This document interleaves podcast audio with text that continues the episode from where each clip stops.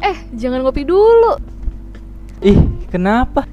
Sekarang waktunya rekaman. Oh, iya iya. Halo, gue Far. Hai, gua Sans. Time is Ngobrol podcast jejak langkah. Siap-siap ya. Halo guys, sekarang ketemu lagi di minggu pertama episode perdana gue, eh gue, episode perdana kita di podcast Jejak Langkah. Sebelum kita mempodcast orang lain, alangkah lebih baik ya kita mempodcast diri sendiri. Jadi gue disediakan ada bintang tamu alias tuan rumah sendiri.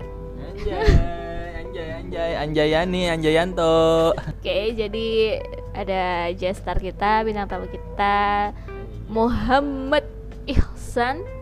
Masya Allah. Ah, Ihsan. Di sini kita akan cerita-cerita. Kita mau cari tahu nih bagaimana sih jejak langkah yang udah dilewatin sama si Ihsan ini, founding fathernya podcast jejak langkah ini. Penasaran kan? Kalau mau tahu lebih lanjut tentang Iksan, dipersilahkan Bapak untuk perkenalan. Halo, assalamualaikum. Perkenalkan nama gue Iksan, biasa dipanggil Sans.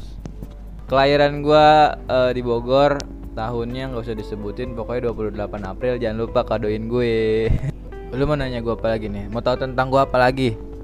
Oke, tadi udah udah pada kenal kan si Iksan ini temen gue yang satu ini ternyata lahir tanggal 28 April, tahun yang gak usah disebutin kata dia. Berarti ya lo bisa nebak sendiri seberapa tuanya dia. anjir ya, anjir anjir anjir. Parah, gua sih nggak tua banget sebenarnya masih seumuran lah sama yang ngedenger denger. Eh nggak tuh yang denger aki-aki. Berarti gue seumuran sama dia dong. Enggak, gua umurnya baru 20 tahun. Kerja. Perjalanan gue di sini di dunia ini di Indonesia negeriku tercintaku baru 20 tahun 23 lebih tepatnya, gengs. Ya udah segitu dah pokoknya udah du- 20 tahun gue berjalan di Indonesiaku dan tetap gini-gini aja gitu bro ya tapi tetap berusaha sih walaupun gini-gini aja Oke, jadi tetap hidup tuh harus terus berusaha dan berjuang ya. Nah, kenapa? Kenapa gue memilih memutuskan untuk mewawancarai si Iksan ini? Karena menurut gue jalan ninjanya dia tuh keren banget. Jadi dia udah banyak banget mengalami peristiwa-peristiwa di hidupnya walaupun usianya baru 23 tahun tapi pengalamannya udah kayak hidup 40 tahun gitu. Dimulai dari tentang dia dengan keluarganya, tentang pekerjaan tentunya gitu ya. Nah, gue sih di sini pengen ngebahas lo tentang perjuangan lo nyari kerja sih, Mong. Karena oh ya sorry, Sans. gue pengen ngebahas tentang itu sih karena memang dia keren banget. Sebenarnya temen gue ini pekerja keras parah tapi entah kenapa dan entah ada kutukan apa yang menyebabkan dia sampai sekarang ini teh susah gitu nyari kerja. Nah mungkin dari para pendengar juga ada yang merasakan hal yang sama seperti kawan gue yang biasa aja satu ini tampangnya. Jadi lu sharing lah.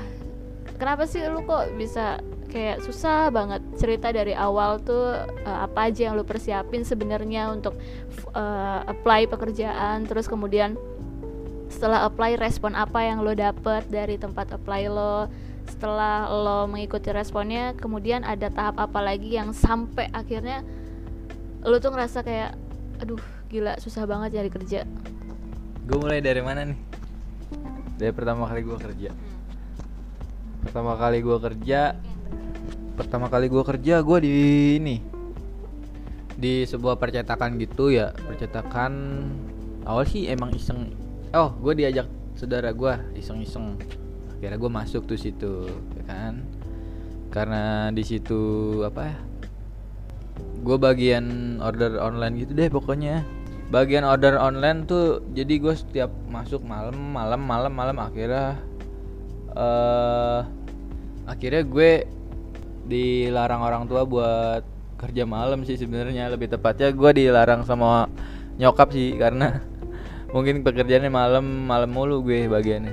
Terus akhirnya gue mutusin udah berhenti deh ya. Akhirnya berhenti gue cari tempat kerja lagi. Akhirnya gue masuk ke ini ke part time di Riches Factory.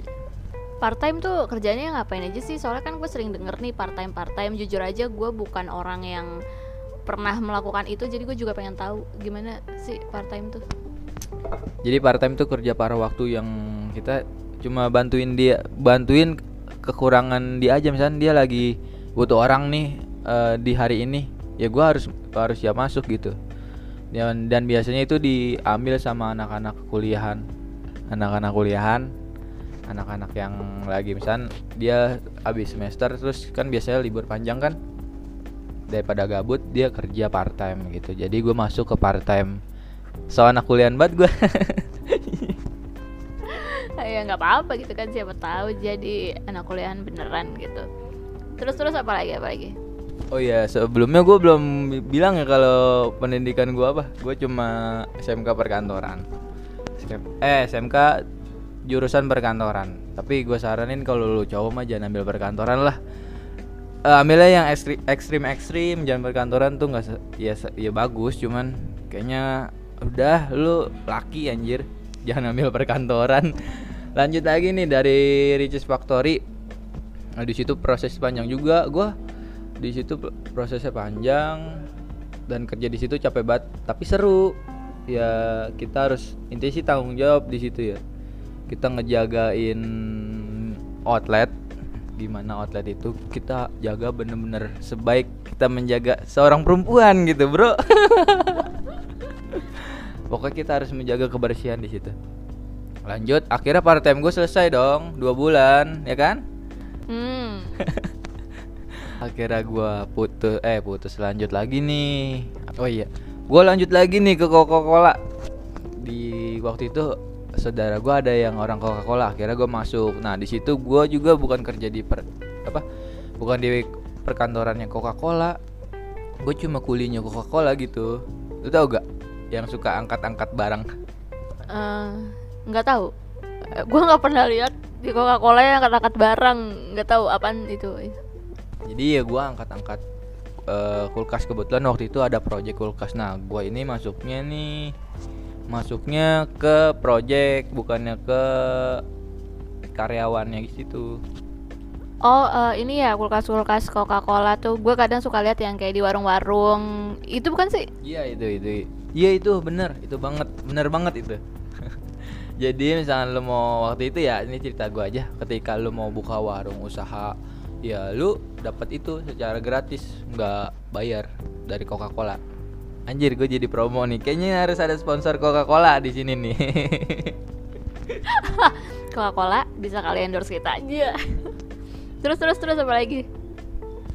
Aduh terus terus mulu kayak tukang parkir nih. Dikasih minum enggak. Nih nih nih nih nih. Minum dulu minum dulu bos. Ah. Lanjut gue masuk Coca Cola Coca Cola jatuhnya sih sama kayak part time cuman uh, ini namanya project kalau di perindustrian gitu project selama belum selama batas waktu yang nggak ditentukan di situ banyak banget perjalanan eh indah banget di situ sebenarnya perjalanan hidup bener-bener kerasa Kenapa lu merasa perjalanan hidup benar-benar kerasa? Apa karena lingkungannya atau karena beban kerjanya? Uh, lebih lebihnya ke lingkungannya sih. Jadi kita benar-benar belajar ke kehidupan. Jadi kenapa gue nyaranin lu jangan masuk cowok ya, jangan masuk perkantoran ya sebenarnya ya lu males dah pokoknya nggak dapat kehidupan yang benar gitu kayaknya. Jadi sebenarnya lu sama gue tuh dia terbalik ya. Gue tuh SMK teknik kuliah teknik dan dia ini perkantoran. Lu pakai rok aja mending. dan lu jadi guru ya.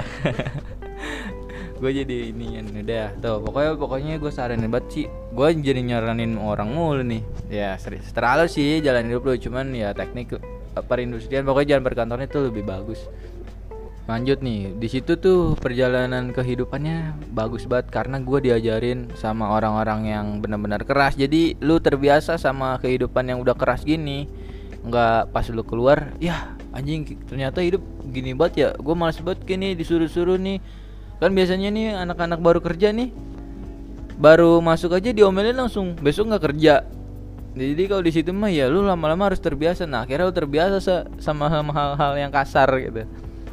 Nah di situ dari kita gue dapat pelajaran banget dari wah susah banget nih nyari orang tua kita nyari duit buat kita buat biaya sekolah. Jadi eh, kita gue di situ lebih menghargai banget uang sama kerja keras orang tua ternyata kerja kerja capek banget ya orang tua.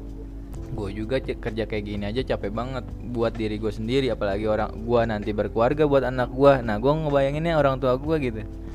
Masya Allah, sepertinya Bapak Isa ini sudah siap untuk berkeluarga.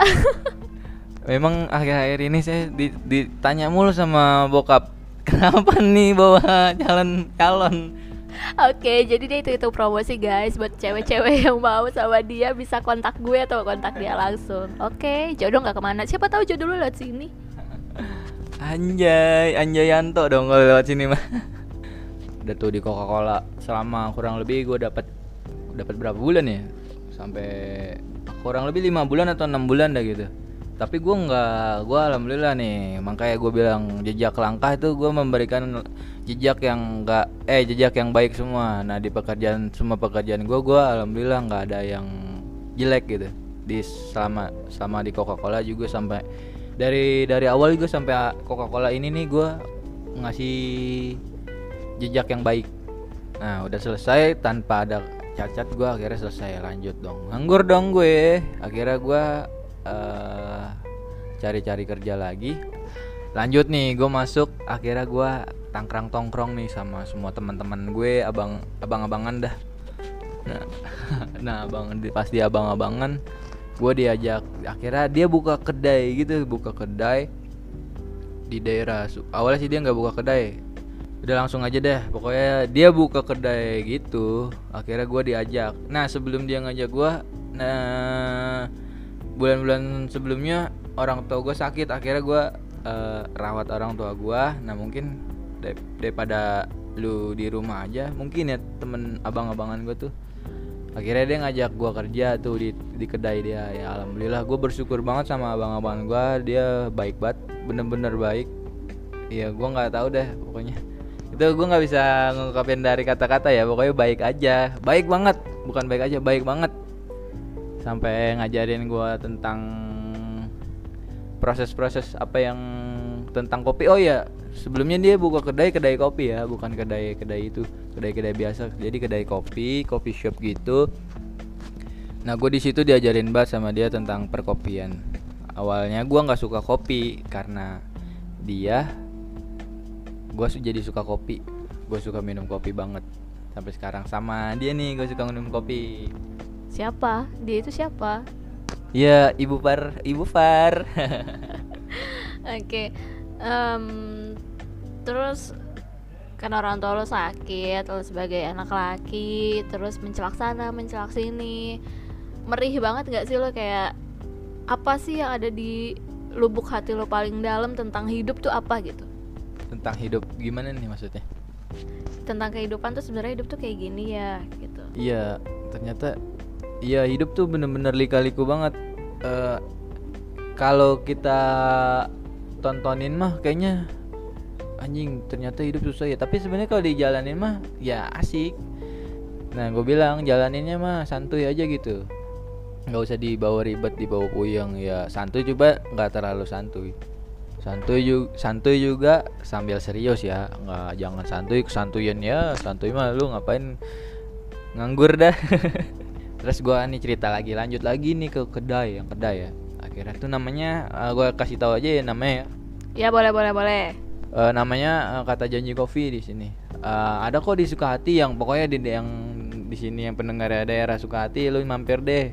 Pokoknya itu recommended banget buat teman-teman yang lagi mau mau ngopi atau lagi lu mau pacaran atau lu ya digabut. Lu ke situ deh enak sih tempatnya enak banget bohong Lu gak usah apa ngomong mulu dari tadi ngomong mulu.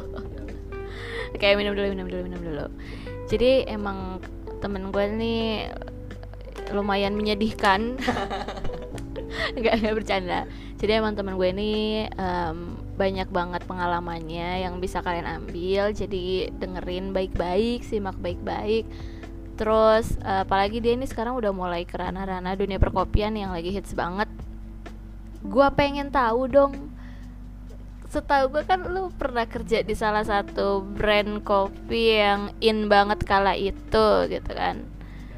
Nah terus tiba-tiba ada corona koroni gimana tuh? Iya tuh, akhirnya gue eh, perkopian kan, akhirnya menuju perkopian. gue senang buat kopi, lagi belajar-belajar kopi diajarin sama abang-abangan gue tuh tentang kopi itu baik banget dari awal sampai akhir sampai iya kopi sebenarnya nggak ada akhirnya. Gue sampai pelajaran banget dikasih sama dia sama sekarang. Gue inget banget pokoknya intinya jangan sombong lah. Lanjut. Setelah dari te- tempat kopi itu gue dipanggil lagi sama saudara gue yang di Coca-Cola. Lanjut dong. Akhirnya lanjut gue ke Coca-Cola gue cabut dari situ dengan minta izin sama abang-abangan gue karena gue mau keluar akhirnya gue keluar. Nah gue dari tempat eh langsung di Coca-Cola lagi nih. Nah cuman gue di situ nggak jadi ini dah eh nggak jadi ini dah nggak jadi ini Far. Nggak jadi perindustrian lagi. Jadi apa tuh? Jadi apa? Di situ gue jadi sales. Oh jadi lu sempat balik ke Coca Cola dan lu jadi sales. Sales oke berarti lu nawar nawarin produk Coca-Cola oh oke oke oke oke. Terus terus terus? Gue nawar nawarin produk Coca-Cola kan. Akhirnya lanjut selama kurang lebih dua bulan. Akhirnya gue merasa nggak kuat kayaknya. Ah bukan nggak kuat sih. Kayaknya gue nggak nggak terbiasa nih di dunia di dunia marketing. Gue belum nggak bisa banget dah pokoknya. Akhirnya gue mutusin ah kayaknya gue ke kopi lagi nih emang gue di situ antara bimbang antara gue mau ke kopi atau ke dunia marketing gue mau dalemin. Akhirnya gue lanjut ke dunia per apa akhirnya gue lanjut ke dunia perkopian nih dah selama itu akhirnya gue cari lagi nih. Nih ini akhir dari cerita nih gue lanjut ke kopi yang lagi startup waktu itu. Awal sih gue sebenarnya sih coba-coba gue coba-coba masukin lamaran ke situ iseng aja. Set tiba-tiba masuk bro. Kaget dong mer- merasa senang juga karena lagi startup dan gue dan gue mas eh, ada panggilan di situ. Nah awalnya gue dipanggil nih da di interview di daerah Tebet. Gue datang ke sana pagi-pagi banget karena gue waktu itu posisinya nggak usah gue datang waktu itu ke Tebet pagi-pagi banget lanjut dong gue pagi-pagi banget. Dan di situ lagi ada waktu Jakarta kebanjiran. Kalau nggak salah kok? Kayaknya emang Jakarta banjir mulu deh. Iya pokoknya Jakarta kebanjiran dan gue nggak nggak merasa nggak merasa alham apa nggak merasa senang di penderitaan orang lain ya. Tapi gue di saat Jakarta kebanjiran dan orang-orang Jakarta tuh akhirnya nggak ada yang eh, jarang sedikit yang datang ke situ. Waktu itu tuh biasanya di kopi itu tuh katanya gue dengar dengar dari teman-teman yang lagi di mau interview juga banyak yang yang yang mau ngelamar di situ. Biasanya sih banyak terus kalau ngumpul eh kalau ngelamar.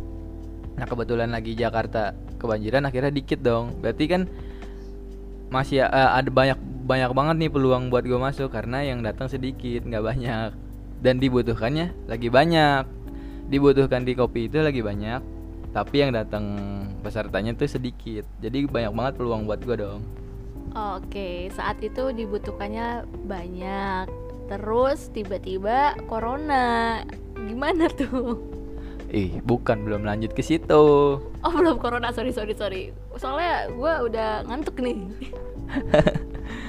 lanjut masuk nih akhirnya gue akhirnya gue masuk ke salah satu tempat itu ya yang startup itu. Terus lan abis itu gue cek medical dong.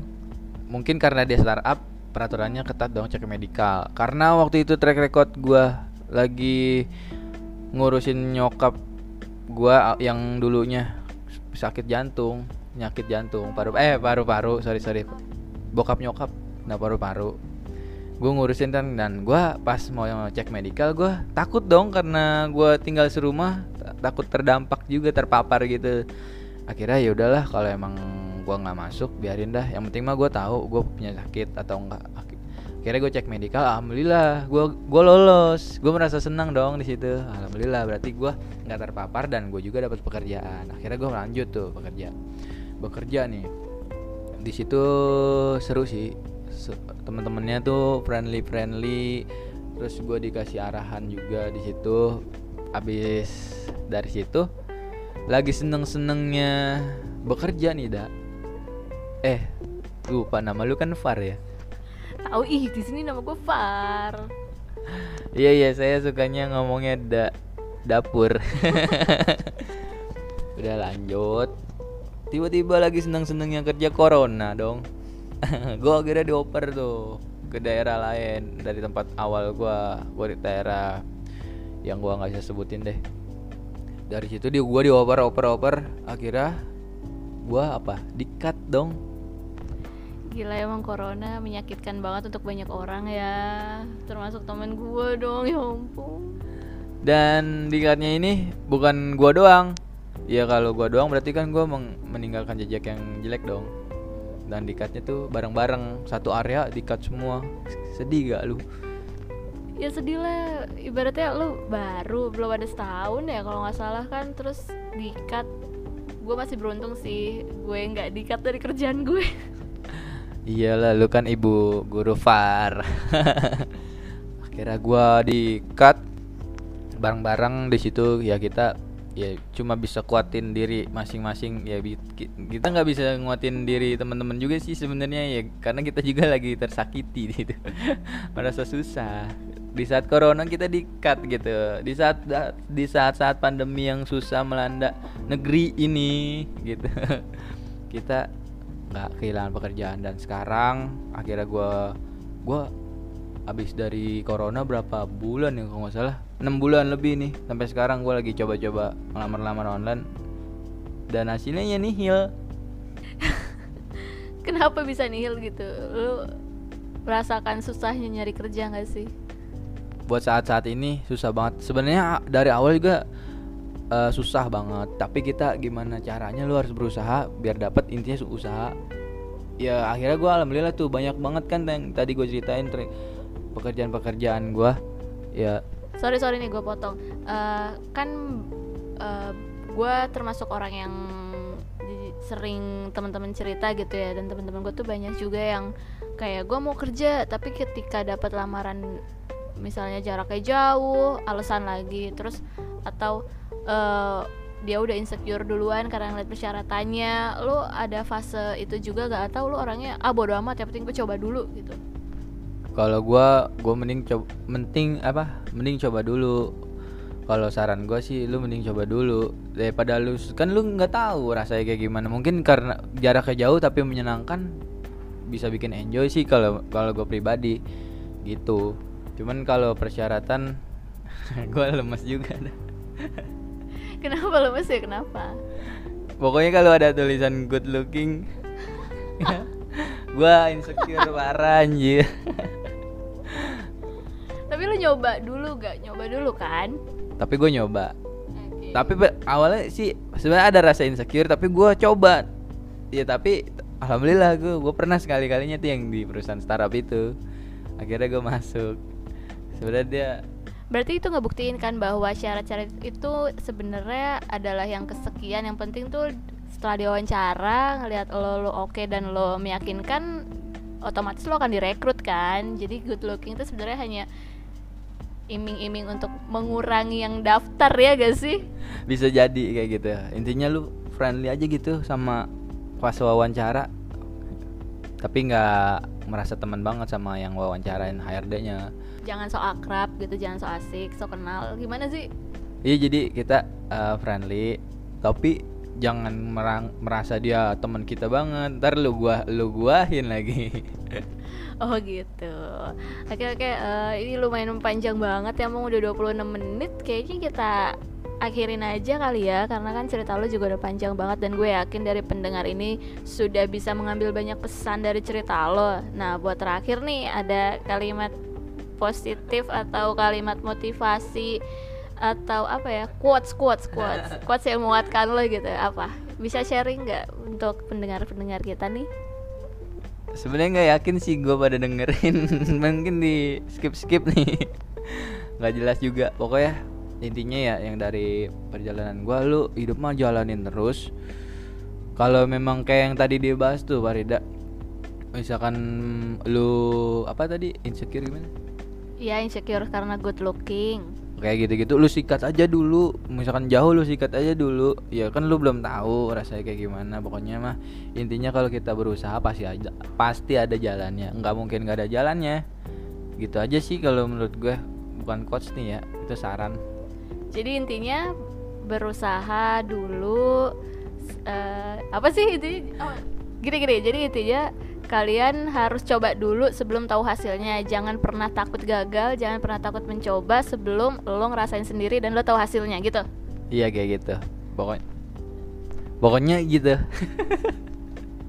Oke. Okay. Uh, Oke okay deh, terima kasih banyak banget nih Mong atas waktunya. Mungkin saudara Iksan juga mau ngapel. Bohongin, dia jomblo. Enggak sih, sebenarnya karena udah malam juga gue ini wawancara dia jam 11 malam loh. Ini gila. jam satu. Ini udah mau jam satu ya guys. Padahal gue tadi ngomong jam 11 dan dia ngomong jam 1 oke kita ketahuan bohongnya. Oke sampai di sini dulu mungkin ya. Salam dari gue gue pribadi. Nanti ditutup sama Farida. Sip. Kalau gitu sekian podcast dari kita. Sampai jumpa di episode selanjutnya. Bye bye